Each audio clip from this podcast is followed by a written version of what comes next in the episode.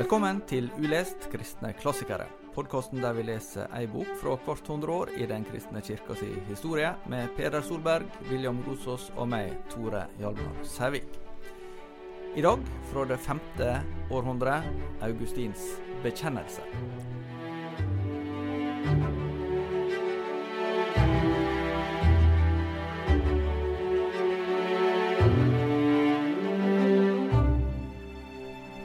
Hvorfor har vi valgt den boka, William?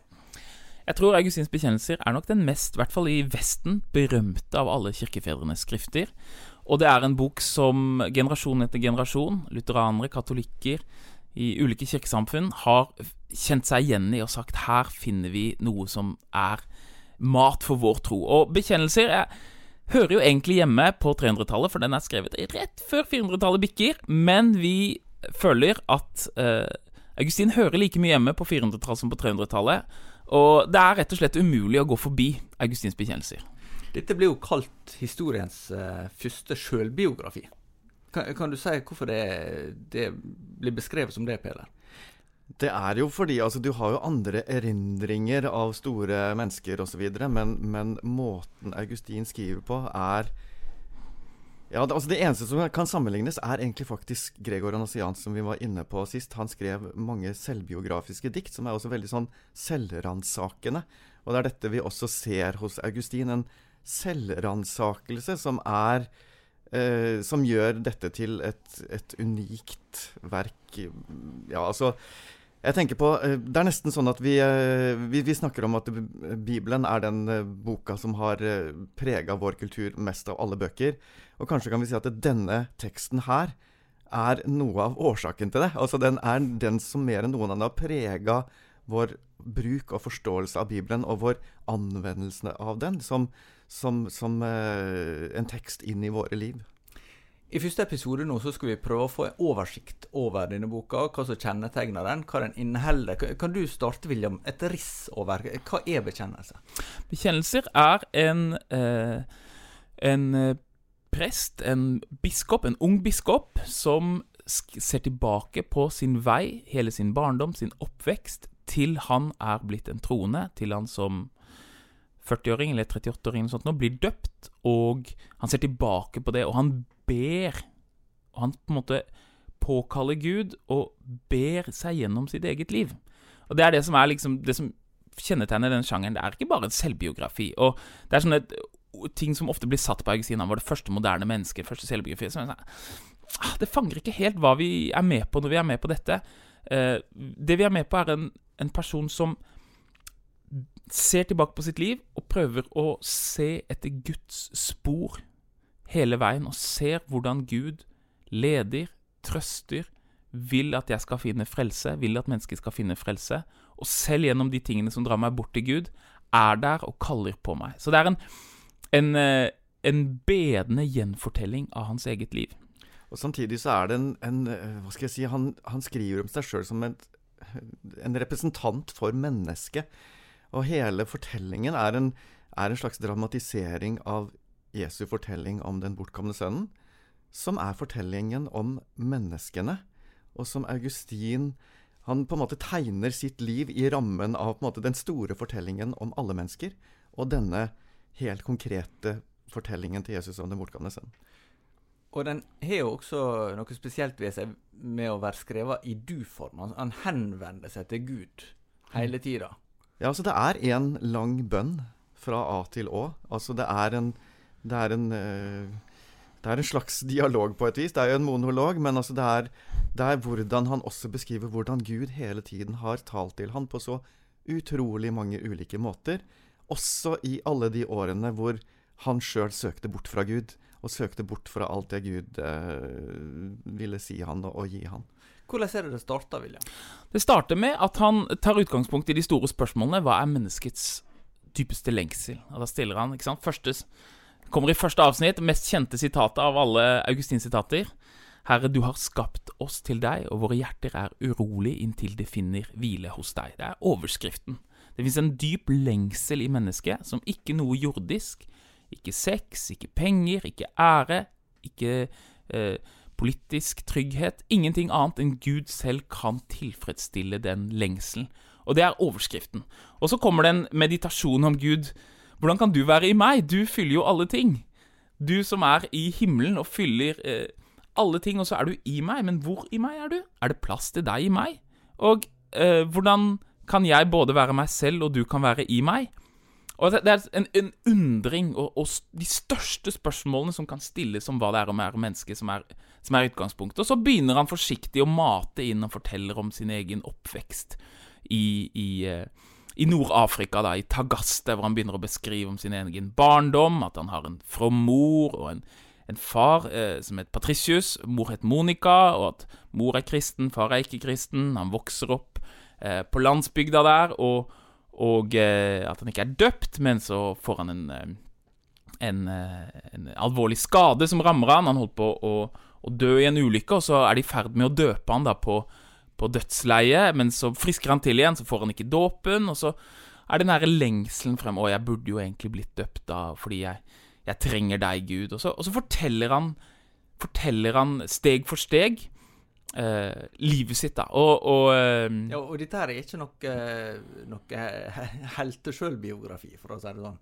Altså, han, han er jo ganske usminka i å beskrive sine egne laster. Absolutt. Uh, veldig selvkritisk i forhold til hvordan ting utvikler seg. Hvordan han på en måte Altså starter på en slags På en gal vei, egentlig helt fra barndommen av, sånn som han beskriver det sjøl.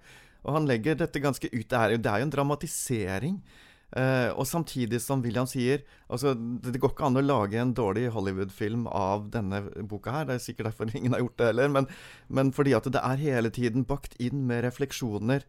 Uh, både de refleksjonene han gjorde seg underveis, og hvordan han nå ser tilbake på de i i bønn til Gud, uh, og ser da dette i et mye større bilde av hva skal jeg si, teologiske og filosofiske spørsmål som hele tiden popper opp gjennom dramatiseringen av hans eget liv. Uh, så det er en sånn fan, uh, Hva skal jeg si en, en, fantastisk sånn sammensying av dette Hvordan eh, livet hans spiller seg ut, og hvordan han ser dette i et mye større lys. Men bare til lytteren, se for deg at du har et indre kart, og så ser du for deg Italia med Romerriket. Så har du Roma, og så har du i Milano, langt nord i Roma, og så på rett på andre siden av Middelhavet, rett på andre siden Vi tenker om at det er langt unna, siden i dag er det Afrika så lå det en by som het Kartago. Og det er veldig kort avstand mellom Nord-Afrika og Italia. Og nord i Kartago så lå det altså en by som het Kartago, som tidligere hadde vært Romas store liksom, fiende, som hadde truet Roma med sin militære makt, men som Roma hadde klart å overvinne, og som hadde blitt en kristen by, og som var en svær kristen by. Og et rikt område hvor de hadde masse jordbruk, og de hadde masse olivplanter. Og så kan du liksom se for deg oppi hodet ditt det er, det er det som kalles for Tunisia i dag. Og så kan du tenke deg at liksom på kartet skal til venstre mot Algerie. Og ute på landsbygda der, der lå det altså en by som het Tagaste. Der var det deilig med I dag tenker vi kanskje at det liksom er tørt og ørken og sånne ting, men der var det deilig med olivplanter, og, og eh, det var masse jordbruk, og det var liksom et, et godt sted å vokse opp. Og der vokser altså Augustin opp, på landsbygda, utafor, ikke så altfor langt unna Kartago, i Nord-Afrika. Og der fins det en kirke og For noen episoder siden så snakket vi om Perpetua Felicitas. Og de var i akkurat dette samme området, i Nord-Afrika, hvor kristendommen hadde en spesiell intensitet, kan man si. Den, den, den var, eh, hadde stor spredning, men det var også sterke indre motsetninger, for det var eh, sterke bevegelser som ønsket å, å ta troen eh, Man kan si det i mer fundamentalistisk retning, eller i, Det var ulike spenninger. Og Han vokser opp i dette, og han ser sin mors tro, og han opplever sin mors tro som eh, banal, overtroisk, at den ikke tar eh, At den ikke er en, en, klok ung mann kan liksom ikke tro på dette, da, men, men han ser den troen, og den er rundt ham. Eh, og Så vokser han opp der, og så eh, og så har han det deilig, men han, han, han beskriver jo hvordan han, han, dras bort fra Gud. Da. Og da er det f.eks. En, en, eh, en berømt fortelling om pærene. Men den kan kanskje du fortelle, Peder? Ja, altså han, eh, han, eh, er glad i livets gleder, for å si det sånn. Det beskriver han veldig, veldig eh, malende. Og samtidig så reflekterer han også over at eh, Altså, han trekkes mot å gjøre ting som er galt. Eh, og disse pærene er veldig sånn eh, eksempel hvor han drar dette ut, fordi altså Han drar med seg kamerater ut på pæreslang. Altså hvem, hvem har ikke vært på epleslang i uh, Altså, uh, i hvert fall er det Det var vanlig i min men, Har du men, noen skrifter på det tar vi en annen gang. Uh, men, men anyway, det som han reflekterer over, at det, det var ikke fordi at pærene var så gode. De var egentlig ganske sure. og det var liksom ikke det at han egentlig de, de tok disse pærene og kasta de til grisene. Men poenget var dette Altså lysten til å gjøre noe som Altså trangen til å gjøre noe som er galt. Mm. Altså Det var det å gjøre noe som ga det kicket av å, å, å um, kjenne på den derre uh, Hva skjer nå? Ikke sant? Uh, men han beskriver seg sjøl som en leder i flokken. En som, han var jo en, en fra tidlig det, det, skinner igjennom her at han var en begava ung mann. Men at han sjøl beskriver at jeg brukte alle mine beste begavelser på helt feil måte. Som f.eks. med denne pæreslangen. Ja, og så er han jo også ganske ærlig om at han, uh, at han syntes det var veldig kjedelig med gresk. Han, han, er jo en stor intellektuell begavelse, men han, uh, latin det syntes han var eh, spennende og, og betagende, og sånn, men gresk var fryktelig kjedelig. Og det, det gadd han egentlig aldri å lære seg. Det er jo, det er jo egentlig kirkehistoriske konsekvenser også.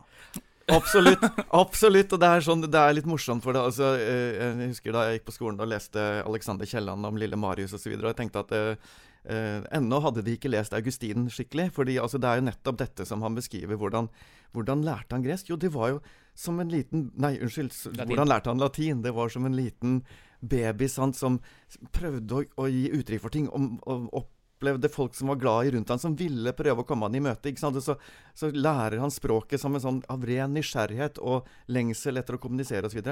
Men gresk sitter på skolen en streng lærer som finner fram pisken når man ikke husker glosen eller grammatikken. Og, altså, hvem lærer bra av det? Altså, han, han hata gresk av pedagogiske grunner. Han sier altså denne pedagogikken er jo liksom Den er nedarva for våre fedre. Og, altså, og han klarer etterpå å si liksom OK um, altså Jeg lærte noe av det også, da. Om på en måte straffen som ligger i det å ikke gjøre det rette. Men ja.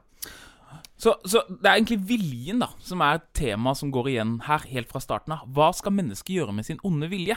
Vi har en ond vilje som ikke bare havner i dårlige situasjoner, men vi vil noe som ikke er godt for oss. Og hva skjer når vi ikke vil det vi vil? Hvordan skal disse viljene kjempe mot oss? Det er egentlig sånn en, en ledetråd gjennom som gjør at alle mennesker har kjent seg igjen i dette. Det onde jeg ikke vil, det gjør jeg. Og, og det beskriver jo Augustin ganske konkret med sin egen ungdomstid. Nettopp.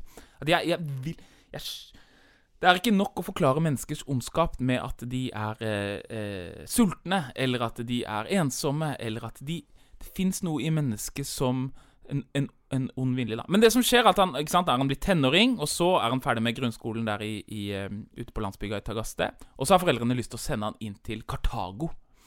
Eh, men det blir litt for dyrt, og det sier oss litt om, eh, om eh, hva slags sosial Altså, han, har De har ambisjoner for han, de vil gi han en høy utdannelse, men da må han altså ta et år pause fra studiene, fordi da må faren hans, Patricius, jobbe og spare opp penger for at han skal kunne reise til Kartago og få en klassisk utdannelse der. Og så, og så får han reist dit, da, og da liksom innledes en ny fase i hans liv. Hva miljø er det han møter der, Peder? Det er et studentmiljø som beskrives egentlig sånn at man kan kjenne det igjen i våre dager. Med ulike grupper, og, og, og, og, hvordan de på en måte kombinerer dette med å leve livets glade dager. Med å prøve å lære seg eh, altså den, det som tilhører den klassiske utdannelsen, med, med, språk, retorikk, med, med filosofi, også noe. Men hvor han sier at de er egentlig mest opptatt av av det de kan få noe ut av for sin egen del, da, gjennom ære og berømmelse. Og, og han, han, beskriver også seg sjøl hele tiden at han, han, han, har lyst til å lære, men, men, eh, det er jo uh, for å på en måte oppnå noe for sin egen del. Eh, og samtidig så ligger det et frø hos han som han oppdager veldig konkret når han uh, leser en, en, en, bok av en som heter Cicero, eller Kikero. Det, er, det krangler fortsatt de latinlærde om hvordan vi skal snakke det på den middelalderlatinen, men whatever. Han har skrevet en bok som heter Hortensius, hvor han kjenner at det her vekkes lengselen etter, etter virkelig visdom. Etter kunnskap om, om det som, som, betyr noe. Uh, men det, sånn beskriver han ikke student miljøet. Altså dette er, Og heller ikke seg sjøl. Det er liksom noe som Det er et frø der som, Ja, som for, for i utgangspunktet så ser han læringa mer som et middel til å oppnå noe annet enn som et mål. Som et middel til å oppnå egentlig det som, eh, det som eh, William sa. Liksom. Penger, ære, sex. eh, Altså de tingene som, eh, som eh, han lengta etter, etter sine kjødelige lister, som han beskriver det. Og jeg må jo si som teologistudent, det er ikke vanskelig å liksom kjenne seg igjen i dette at man f.eks. vil lese en bok, eller man vil ta et studie fordi man vil ha lest den. Man vil kunne si at man har lest den, eller man vil liksom Men midt i det at du leser den her boken som du liksom åh, det er greit å ha lest den, så bare vekkes noe i deg som er sånn at Jeg driter i om folk vet at jeg har lest dette eller ikke. Jeg, driter, jeg bare syns at jeg må, jeg må vite mer. Jeg må vite hva sannheten er. Og det er en sånn tørst som kan Jeg syns teologien har en evne til det. At du kan liksom si 'Ja, jeg har lest Augustin'. Ja, ja, det er på et veldig overfladisk plan. Men hvis du åpner bøkene, så finner du der noe som kaller på deg og sier 'Du vil finne sannheten. Du vil vite mer'. Og det er det han opplever da. Og det er liksom et slags første steg på hans åndelige reise. Det er at han ikke lenger Han, han, han strever med sin ambisjon, men han får et lite glimt av at det fins skatter i, i filosofien, og som, som gjør at han eh, Mer enn ambisjon så er lengselen etter, etter visdom eh, det som etter hvert begynner å, å veilede ham. Ja. Men det er ikke sånn at han da oppsøker det kristne studentlaget, og så er veien lagt. Jeg Nei, han, han altså- er sånn en sånn fyr som bri- Se for deg en briljant fyr som kommer fra, fra ehm, eh, et sted i Norge hvor det er veldig lite kristent liv. Og så har du et bitte lite bedehus der. Og så har du de folka på bedehuset som har eh, en veldig sterk tro, men aldri har plukket opp en klassisk bok. Og aldri har eh, studert eh, verken filosofi eller sånne ting. Og så kommer du inn der, og så kommer du inn til Oslo. Og så bare møter du liksom alt dette, lærdommen og kunnskapen og disse flinke folka. Og som ja, jeg, jeg vil gjerne ha mine foreldres eh, liksom eh, trang etter visdom, men jeg kan ikke ha dette banale greiene jeg vokste opp med. Eh, her fins det så masse spennende filosofiske og religiøse strømninger, og han kaster seg ut i alt, da. Og, og, og fanges av det. Men han sier, altså det er noe veldig viktig han sier der eh, For da, da var han 19 år når han leste denne Hortensius-boka til Cicero. Så sier han at da starta Altså, jeg, jeg var i søla, ikke sant? Igjen denne Hvordan han maler dette ut i, i rammen av den bortkomne sønnfortellingen. Men da begynte jeg å stå opp og søke tilbake til deg.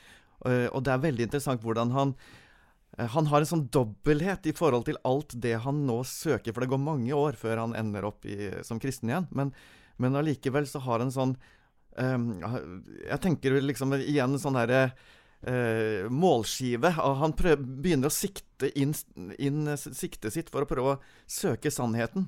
Og så er det sånn uh, Han søker etter mye rart, men det er mer og mindre galt. Og han er opptatt av hvordan både det å søke i filosofien og vitenskapen hjelper han på veien tilbake til Gud. Ehm, og det ser han sånn i ettertid, selv om, selv om altså, det er masse håndmodige folk som sa masse forskjellige ting, så de hadde noe sant der som hjalp meg til å stille inn siktet sakte, men sikkert på den veien jeg til slutt skulle langt her framme nå. Men hva skjer i mellomtida? Nei, han treffer jo på det som er det hotteste da på livssynsmarkedet i Cartago Kartago. Det er noe som kalles for manikeisme. Det, det lever jo faktisk som et uttrykk på engelsk Ja. eh, fortsatt. At du kan ha litt sånn eh, manikeisk tendens eller mentalitet. Ja, Og det betyr at, at, du tenker veldig svart og hvitt. tenker svart-hvitt, men vi snakker også om å kjenne mani, som er sam, kom fra samme røttene. Og manikeisme er en, en eh, Det er ikke det samme som vi snakket om gnostisisme i en tidligere episode, som har en dualisme mellom, mellom kropp og sjel. Det er ikke helt det samme i, i manikeisme, men man kan si at manikeisme tar opp i seg mange av de gnostisiske strømningene. Og det er en, en persisk lovlærer som ble, ble drept for sin bevegelse på slutten av 200-tallet, som het Mani, som, som hadde den lære om at det finnes to prinsipper som kjemper mot hverandre. Det gode og det onde. Og de er like evige, og de er, liksom ev de er på en måte i denne evige kampen. Og det gjelder å bli fylt av dette lyset som er det gode, og minimere det, det mørke som er det onde. Men, men disse to tingene Det er litt sånn som uh, Star Wars. The good, uh, the good side and the bad side of the force. Og alle som har sett Star Wars, vet at når, når Obi-Wan Kanobi liksom eh, prøver å overtale disippelen sin på hvorfor han skal velge den gode siden av The Force, så har det eneste han har å komme uh, My loyalty is to democracy. Og så er det sånn Ja, men uh, det, Har du ikke noe mer objektivt enn det? Det, det må være en ting som dømmer mellom det gode og onde. Og, og, eh, men mankisme var veldig populært da. En slags New Age-bevegelse, kan man nesten si, som veldig som tok ulike klær. Og i kristendommen på, i Vestkirken så lata man som at det var kristendom. Så det var liksom en slags kristenaktig sekt. Det var ikke kristendom i det hele tatt. Og, og, men samtidig så var det jo De var jo veldig skeptiske til, eh, til eh, Det gamle testamentet, eh, på samme måte som, som Markian. Markian var. Og, ikke sant? Så, så, det er fellestrekk ved disse strømningene. Og, det var noe av grunnen til også at, at Augustin lot seg lokke litt uh, der, sånn som jeg leser han. Fordi, fordi det var noe av det som han syntes var vanskelig med sin, sin uh, kristne tro, som, eller altså sin mors kristne tro, som han tok avstand fra, det var dette med Altså alle disse merkelige fortellingene i Det gamle testamentet som han ikke kunne få til å henge i hop. Og uh, William snakka om, om, viljen som en tråd gjennom boka, og en annen tråd er det, dette liksom forståelsen av det gode og det onde. Fordi det er liksom hvordan dette treffer han. Godhet og ondskap er også en sånn uh, viktig uh, linje som går gjennom boka, og hvordan han reflekterer via da denne lange omveien om manikismen rundt spørsmålet om hva er godhet og ondskap til syvende og sist. Og det er jo, som dere nevner, ikke så langt fra Nord-Afrika til Italia, og, og, han finner veien dit. Ja, altså, han, eh, han, blir jo litt sånn lei av uh, tiden uh, mankisme, for han, han, treffer liksom en som er toppene der. Han har mange av disse spørsmålene da, og, og, finner ikke svar på disse spørsmålene. Så treffer han en av disse toppene som skal liksom Å, når han kommer, han skal gi deg svarene. Han skal gi deg svarene. Så kommer denne lederen for manikismen, og så Exin er ikke imponert i det hele tatt. da men, men, så reiser, og tenker han ok, nå kan jeg søke meg til Roma og prøve å få en slags professorstilling der. Så han han tenker at han skal dra til Roma, men uh, hans mor, Monica, som er jo en veldig viktig spiller her, som, som uh, uh, Det er jo veldig mange historier i, fra kirkehistorien om, om si, kirkelige ledere som har kompliserte relasjoner til sin mor. Og, men ingen maler det mer ut enn Augustin, for hans mor er en som kjemper for han i bønn, og som virkelig vil at, skal, at han skal være en kristen, men som ikke helt forstår seg på hans behov eller hans verden. Og uh, han vil til Roma, og hun vil ikke. Nei, nei, nei, ikke, og blir illsint og sånne ting. Og så sier han greit, jeg skal ikke reise. Og så stikker han av i hemmelighet. Så han tar, uh, han tar båten til Roma om natten uten at hun vet det. Og så, og så, etablerer han seg der som en sånn retoriker, da, eller en blanding av en advokat eller en propagandafyr. ikke sant? Så. Ja, for, for dette er tid da du, du oppsøker ikke nødvendigvis en institusjon. Uh, det det ikke så, så du kan ikke Å få en professorat du, du, knytter deg til rike mennesker. Ja, ja, ja. Så du knytter deg Du har dette som kalles for um, Men det finnes ikke universitet uh, i den forstand? Skoler. Du kan sette opp en skole. Uh, men, altså, men han, er han et år i Roma, og det blir et katastrofe, for han er syk, og han er skuffa over det kulturelle miljøet der. Og den han knyttes til, det er en som heter Symmachus. Og Symmachus er en vel, senator i Roma som er hedning, og som er fetteren til en som er blitt utnevnt til biskop i Milano, altså i Nord-Italia, som heter Ambrosius, som er en kristen. De er fettere, men de er veldig uenige da, og, er liksom sinte på hverandre. For Symakus vil at hedningedommen skal få dominere, og eh, Ambrosius har fått en sånn veldig dominerende stilling i, i Milano, og, og, og, liksom vinner mark for kristendommen. da. Så Symakus han tenker sånn ah, Det jeg skal gjøre nå, det er at jeg skal gjøre en, en strategisk utnevnelse der jeg skal utnevne eh, For jeg kan utnevne den nye på en måte retoren, eller propagandaministeren, til eh, keisersetet i Milano. For halvparten av keisersetet er i Milano, halvparten er i For keiserriket er delt i to. Keiserriket er delt mellom øst og vest. Og, eh, så det ene keisersetet er Og da blir Augustin ja, Og det andre er Konstantinopel. Konstantinopel. Ja. Og da får Augustin denne veldige eh, høytstående eh, stillingen i Milano, at han skal liksom være den nye eh, retoren for keiseren i Milano.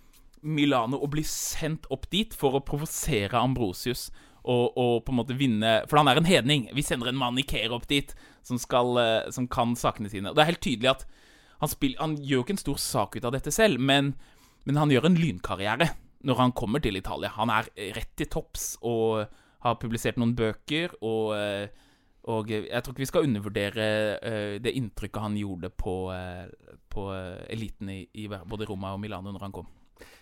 Altså du, du sa en slags propaganda Altså Jeg vil kanskje kalle det en kommunikasjonsminister. Ok, da. Ikke sant? Ok, fordi, fordi det er, altså dette, altså retorikk er eh, Vi har kanskje en litt sånn eh, ambivalent forhold til, til det begrepet i vår tid, men, men altså dette er på en måte Ja, en det er bare retorikk. Ikke sant? Ja. Men, men her, er vi, her er vi i en tid hvor altså de to viktige tingene man, man studerte, det var, det var retorikk og filosofi, egentlig. eh, I tillegg til eh, alle de tingene som kunne støtte opp om det. Fordi Altså, Hvordan kan du styre et samfunn? Jo, det er selvfølgelig å finne den beste måten å styre det på. Og så handler det også om å formidle eh, til folket eh, de verdiene og det grunnlaget og alt dette som samfunnet skal bygges på, på en måte som gjør at folket griper det og forstår det. Og, og, så, så dette er en sånn Ja, jeg vil kalle han en kommunikasjonsminister. Ja, kommunikasjonsminister. First House, ikke sant? Ja. Topp top executive i First House. Og, og uh, har nådd mange av målene sine, kan man si. Ikke sant? For han er på toppen.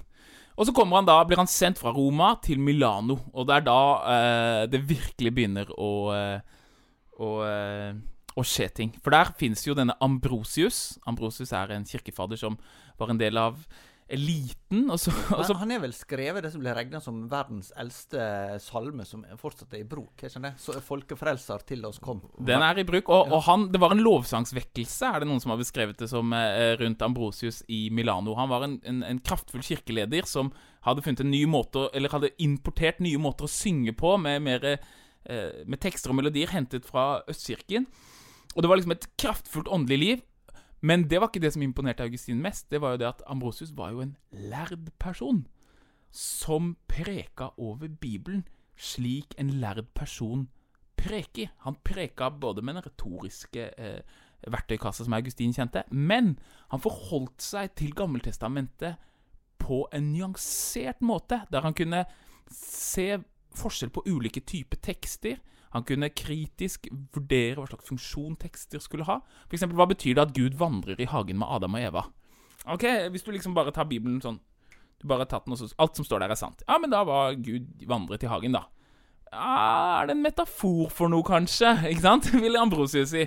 Og Augustin plutselig Wow! Her finnes det en måte å lese Bibelen på som kan ta Som en lærd person kan ta dette og så lage et, et helhetlig, intellektuelt sammenholdende teologi som, som kan være i samtale med resten av filosofien, resten av, eh, av de vitenskapene han kjente. Ja, og så blir jo uh, Ambrosius også eh, kjent for å være en som las uten å lese høyt. For det var jo skikken på den tida, at leser du, så leser du med stemma også. Og det har vi nettopp fra, fra bekjennelser, hvordan, eh, hvordan eh, Augustine beskriver liksom sin overraskelse over at eh, Ambrosius sitter der og leser tekster uten at han sier noe. Eh, han leser bare som, som, som en mediterer, på en måte. Så, så, så det er mange sånne beskrivelser her som vi har sånn for første gang. Eh, eh, men han er altså, altså Han begynner jo da først egentlig å gå og høre på Ambrosius sine prekener fordi han er kjent som en god retoriker. Og så, så er det som om, om budskapet siver inn, samtidig som man prøver å legge merke til alle de gode, gode retoriske øh, Hva skal jeg si øh, måtene å snakke på som, som Ambrosius har. Så, så kommer budskapet sivende inn. øh, Men, men selve vendepunktet kommer med en syngende barnestemme. Ja, nei, Vi er ikke der ennå. Vi er et godt stykke unna dette. Ennå. ja, Ja, vi må ikke, vi må ikke gå for fort frem her. For det er, to, to eh, elementer som henger veldig sammen her, som er på en måte forutsetninger for hans omvendelse. Um, det ene det er knytta til oppgjøret med manikinismen. For etter hvert så får han jo da eh, eh, kommer han i kontakt med eh, Platons skrifter og en spesiell populær versjon av det på hans tid som heter nyplatonisme. Eller en, eh, som en filosof som heter Plotin. Der han leser om eh, Platons Det her har, vi snakket om i tidligere episoder også, når vi snakker om hvordan For mange av eh, I antikken så var Platon en sånn En inngang til å forstå mer av, eh, av eh, Bibelens Gud. Og, og at eh, forholdet mellom det skapte og Eller hvordan Det gode og det onde Det kan ikke være to evige prinsipper, innser han. Og det er jo noe som han blir inspirert av platonisme til å innse. Det er nødt til å være sånn at Gud har skapt alt. Og Gud gir ting væren. Eh, eh, og ingenting i seg selv kan være ondt, fordi Gud har skapt alt. Sex er ikke ondt, penger er ikke ondt, makt er ikke ondt. Eh, men det eh, ødelagte gode eller eh, det gode som er satt i feil orden, det blir noe ondt. Og Det er det, det kjenner jeg ganske ikke sant? Sex er ikke noe problem når det er etter den sin ordning, men, men når det mister sine grenser, så blir det et, noe forferdelig ondt. Samme som menneskelig makt eller krefter. Og det her reflekterer han veldig om. Han plasserer Derfor knytter han det onde på en måte til Man kan si ikke til materien, for materien er ikke ond, men på en eller annen måte til problemet med tid. Eh, og eh, det kan vi knytte opp til at Paulus snakker om at det er forgjengeligheten som er kilden til at vi skal arve uforgjengelighet. Tiden har noe ved seg en, en, en, som, som, som, skaper en uorden som eh, gjør at, eh, at det, Selv om alle, eh, alle elementene i en ting er skapt og gode av Gud, så er de organisert feil, og derfor så blir utfallet ondskap.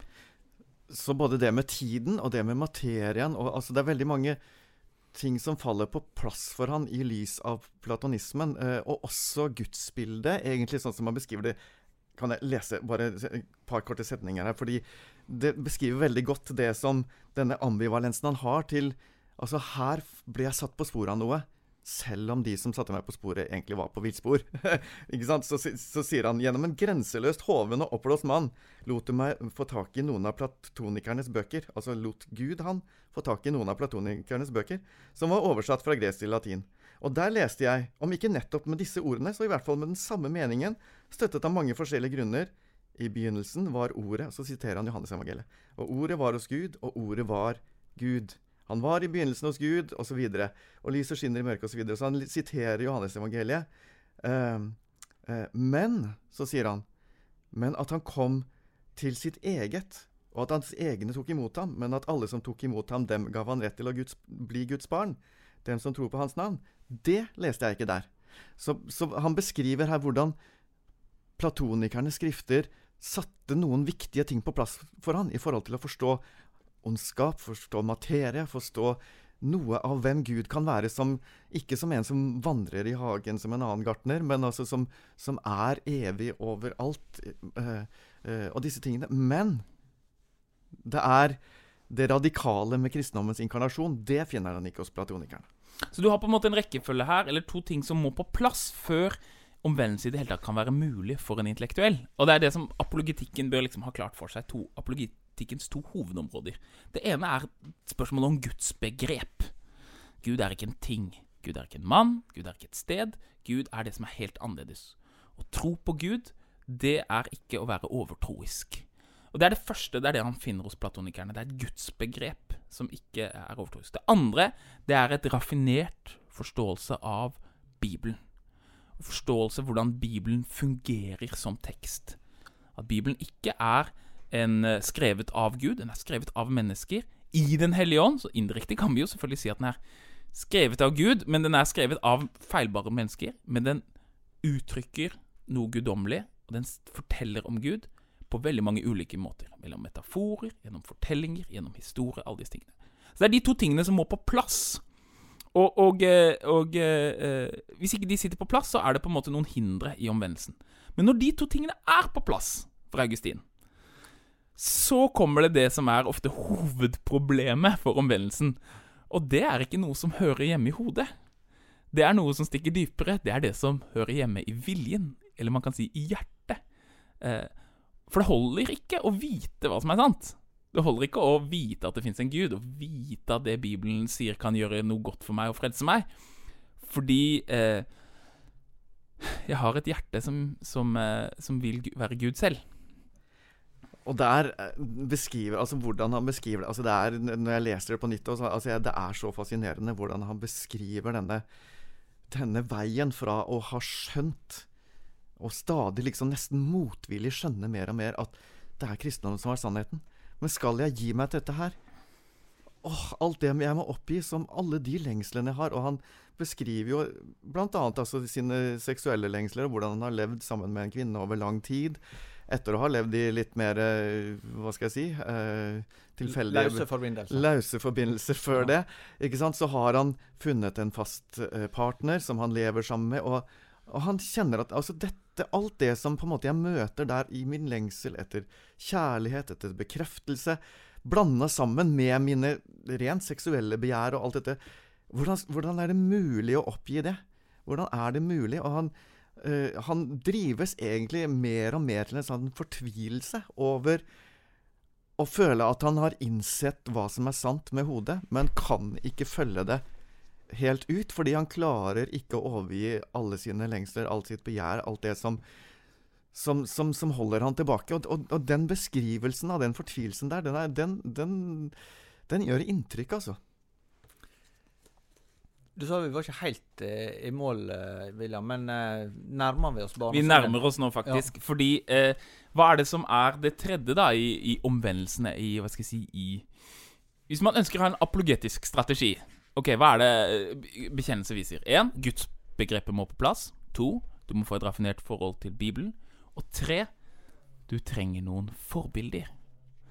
Du trenger noen forbilder. Du trenger å se andre mennesker og se de Det sterkeste gudsbeviset, det er mennesker som har overgitt seg til Gud. De viser med sin, sitt liv, så viser de hvem Gud er. Og Det er derfor det har hatt denne sterke betoningen på martyrene i Oldkirken. Det er derfor eh, på Augustins tid så øker hva skal jeg si, helgenenes status. Og, og, det er derfor vi aldri kan slutte å fortelle fortellinger om mennesker. Fordi eh, han, Ja, konseptene sitter, begrepet sitter, Bibelen sitter. Men så får han først høre fortellingen om en kjendis som eh, Victorianus, som er liksom en sånn, en sånn superkjendis, da, som som plutselig blir en kristen, og som bekjenner troen når han skal døpes offentlig. Og Augustin blir sånn What? Hva er dette for en kjendis? Han er jo på mitt nivå. Ikke sant? Jeg kan jeg, han er jo liksom Jeg ser litt opp til han. Men så kommer det enda viktigere enn bare denne Victorianus, og det er jo at han leser historien om Anton, Atanasius, som jeg snakket om i forrige episode. Atanasius ble biskop i, i 330. Eh, og eh, er i mange ganger eksil og skriver en veldig viktig biografi om den første munken, som heter Antonius den store. Og Augustin han blir født ca. når eh, Antonius den store reiser ut i ørkenen.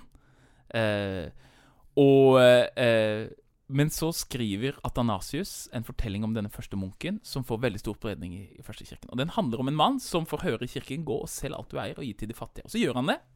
Og så drar han ut i så Oppsøker han alle mulige mennesker han kan eh, finne som kan fortelle ham noe om bønn. Og så gir han alt for å vinne eh, Kjempe mot alle demonene og vinne, eh, vinne bønnens den, Det å kunne leve i bønn helt og fullt. Antonius den store. En utrolig viktig bok som Atanasius skriver. Og Augustin han kommer borti den boken, og så leser han den, så blir han sånn Wow!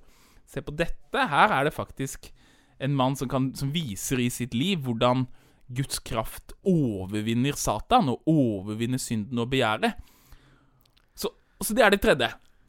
Metafysikken, altså gudsbegrepet, bibelsynet, og forbilder. Og da er det bare eh, eh, Da har han ikke lenger noe å, å, stå imot med. Men også, ikke bare disse fortellingene, men også konkrete mennesker. Unge mennesker, mindre lærde enn han, men som, som han møter, og som, som, har overgitt seg til dette. Og han, mm. han, han er sånn herre Altså uh, uh, Han Hva skal jeg si eh, kjemper med stoltheten sin. Uh, Fordi han Altså, skal vi bare følge etter disse som som viser at de har mye større viljestyrke enn oss, selv om de er på mye lavere nivå intellektuelt. Men han møter unge menn og kvinner som har viet seg helt til Gud, som er i stand til å leve i kyskhet, da, som er liksom som er den store saken for han nå, egentlig. Eh, hvordan kan jeg altså, Ok, han skjønner han må i hvert fall gifte seg hvis han skal leve som kristen, men kan han til og med klare å, å ikke leve i et seksuelt samliv? Uh, som jo han også ser på som et mål for å kunne søke visdommen sånn som han virkelig ønsker. da Lov meg at vi snakker om det temaet med ekteskapet hans senere, for det er ja. viktig, og ingen skal tro at vi prøver å gå unnom det. Men jeg har bare ja. lyst til å lese akkurat det sitatet som du refererte til der. Ja. Han venner seg til Alypius, som er vennen hans, som er liksom en intellektuell, og så han, sitter han og tenker på disse tingene, og så sier han sånn Hva må vi da ikke finne oss i? Hva er dette som du hører det? Ulærde folk står opp og river himmelriket til seg, men vi, med all vår lærdom, vi velter oss i kjøtt og blod. Det er som faen, nei, jeg har alt dette, men jeg mangler dette. Og disse folka som nesten ikke har lest bøker, som ikke har utdannelse, de får denne skatten. Kan vi akseptere dette? nei, vi må gi oss til det, vi også. Og da er det han i fortvilelse går ut. Og er altså, og, og, han er virkelig fortvila. Altså, Det er som om han ser Som han beskriver det et sted. Altså, og, alt det han søker på en vakker topp der borte, men det er bare et villnis. for Han klarer ikke å komme gjennom det. Og så sitter han der, så kommer det da en barnestemme som roper 'Tolle lege, ta og les, ta og les'. Og så tenker han OK, jeg la fra meg en bok der inne hos Alipius, la meg gå tilbake. Det var jo en, en, en, en, en Altså Paulus-skrift der. Eh, så han går tilbake, slår opp. Første han leser, så finner han da Der står det eh, Jeg grep boken, åpnet den og leste stille det avsnittet som øynene mine først falt på. Ikke i svir og drikk, ikke i utukt og skamløshet, ikke i strid og misunnelse, men kle dere i Herren Jesus Kristus, og ha ikke sånn omsorg for legemet at det vekkes begjær. Så det er romerbrevet. Han, han, han bare slår opp i, i, i, i villfarelse der, og så tenker jeg jeg trenger ikke mer. Jeg, altså, nå Nå har jeg fått på en måte uh, It's over. Jeg må bare legge ned våpnene. Um, uh, ja. Og nå er Augustin rundt 40 år. Ja, han er yngre, nei, så han er egentlig 30 år, tidlig 30. Ja. ja. ja. Uh, men, men hva konsekvenser får denne erkjennelsen? Nei, vi, vi må bare helt kort kommentere dette med at han har hatt en konkubine i 12-13 år eh, på denne perioden. Altså, ja, det, det er en samboer. Ja, en samboer. Ja. Og, og samboer var faktisk noen, mange steder hvor kirken aksepterte samboerskap. Altså, eh, ikke i vår forstand av samboerskap, fordi de, det fantes ikke noe eh, eh, Du måtte på en måte bli offisielt anerkjent av menigheten i forbindelse med nattverdsgudstjeneste. Så det var på en måte en slags vigsel, men de hadde ikke sin egen vigselsordning. Du hadde borgerlige vigsler i, romer, i romerskretten, som var eh, veldig strenge regler for. Du kunne f.eks. ikke gifte deg hvis det var av forskjellig klasse og sånne ting. Så Augustin kunne ikke gifte seg med sin.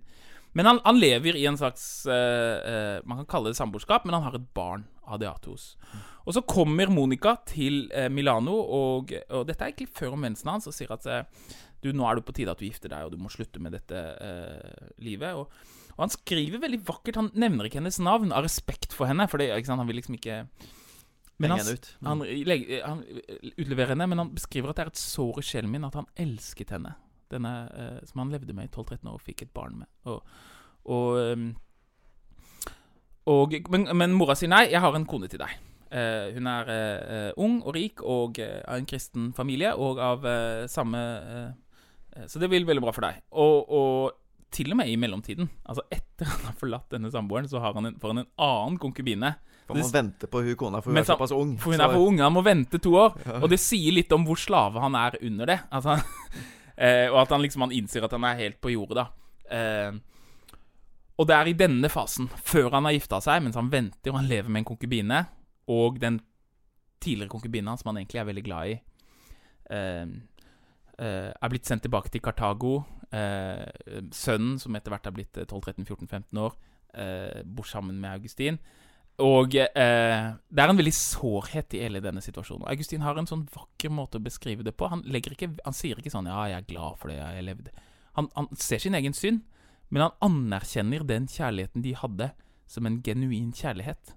Og han sier at det, det, det legger et sår i hans sjel som han, han, må leve med resten av livet. Og det er jo veldig mange som har, har eh, eh blitt inspirert av dette. Det er noen som har skrevet bøker og prøvd å forestille seg hvordan hvordan, Jostein Gaarde, for Jostein Gaarde, for eksempel. Uh, Ylva Eggorn. Hvordan ville det vært å være henne? Um, og, men det er i hvert fall det som skjer. Og, og uh, han Til slutt, når, når han er i ferd med å omvende seg, så står det mellom å gifte seg med en uh, person eller å bli sølibat. Og da velger han det, det sistnevnte. Hvordan forsvarer han det som kristen med sitt ansvar som far og på en eh, ja, det, det, har jo konsekvenser for andre også, dette. Ja. Nei, det, det uh, Han skriver om det litt, men vi vet ikke alt. Uh, og det er klart, skulle han da liksom gå tilbake til Kartago og så gifta seg med henne Det er liksom uh, det, er, det, er, vanskelig for oss å sette seg inn i, men han er, når det først er gjort det er vel før omvendelsen hans at hun blir sendt bort. Så er på en måte Så er korta lagt, og det er um, vanskelig å gjøre det på en annen måte. Så har de ett barn, og han tar ansvar for han uh, Adeatos. Og um, det, er, ja, det, er, en smerte i det som, eh, som, um, som, Vi er ikke de første som har undra oss på det. Hmm. Vi skal gå videre med både Augustin sitt liv og måtte, følgevirkningene av uh, det ja, svære materialet han etterlot seg. Men før vi avrunder denne episoden, hva betyr det sånn helt konkret at Augustin ble kristen? Kan vi oppsummere det kort? Hvordan veien til dåp, og hvordan Ja, hva skjer i livet hans? Nei, Han blir altså døpt i 387. Først så tar han liksom et, et, en periode på et landsted med vennene sine hvor han forbereder seg til dåpen. Og så er de på vei ned til Nord-Afrika. Så etter hvert så uh, får han lyst til å innstille et kloster i Nord-Afrika. Og blir biskop. Han, han, sa at jeg holdt meg unna de byene jeg visste de ikke hadde biskop. For han hadde ikke lyst til å bli biskop som de Nei, fleste det, på den tiden. Det var jo ganske vanlig at en, en fant en som var motvillig. Og så blir han biskop i, i uh, er det 387? 387? Nei, 397. Ja, Nei, 396. Ja. 396. Og, og, så lever han som biskop i 40 år etter det, og skriver enormt mye. Så denne teksten er jo renskåret klassiker som er eh, høyt elsket av alle. Men den er jo bare en liten del av Augustins veldig store forfatterskap. Og, og eh, eh i den latinskspråklige verden så eh, legger han premissene for hele den teologiske samtalen. Noen, en kjent historiker har sagt at Reformasjonen er egentlig en bare diskusjon mellom katolikker, kalvinister, lutheranere, reformert, om ulike deler av Augustins forfatterskap. Du har denne store forfatterskapet med enorme tekster og masse komplekst. Og så sitter folk på hver sin side av det forfatterskapet og sier Ja, men se på dette, da. Se på dette, da. Uh, uh, og det sier litt om, uh, om hans posisjon. I neste episode så skal vi se på det litt større bildet da, om Augustin og ja, hva tanker som var sentrale for han, og hva perspektiv som har blitt stående for egentlig hele ettertida. Du har lytta til en episode av Ulest, kristne klassikere. Det er en teologipodkast fra NLA Høgskolen og avisa Dagen. Om du har innspill eller tilbakemelding til oss, så vil vi gjerne høre fra deg. Du kan sende en e-post til Tore krøllalfadagen.no. Husk at du kan abonnere på oss i appen, og om du liker det du hører, så må du gjerne fortelle om oss til andre. Takk for i dag.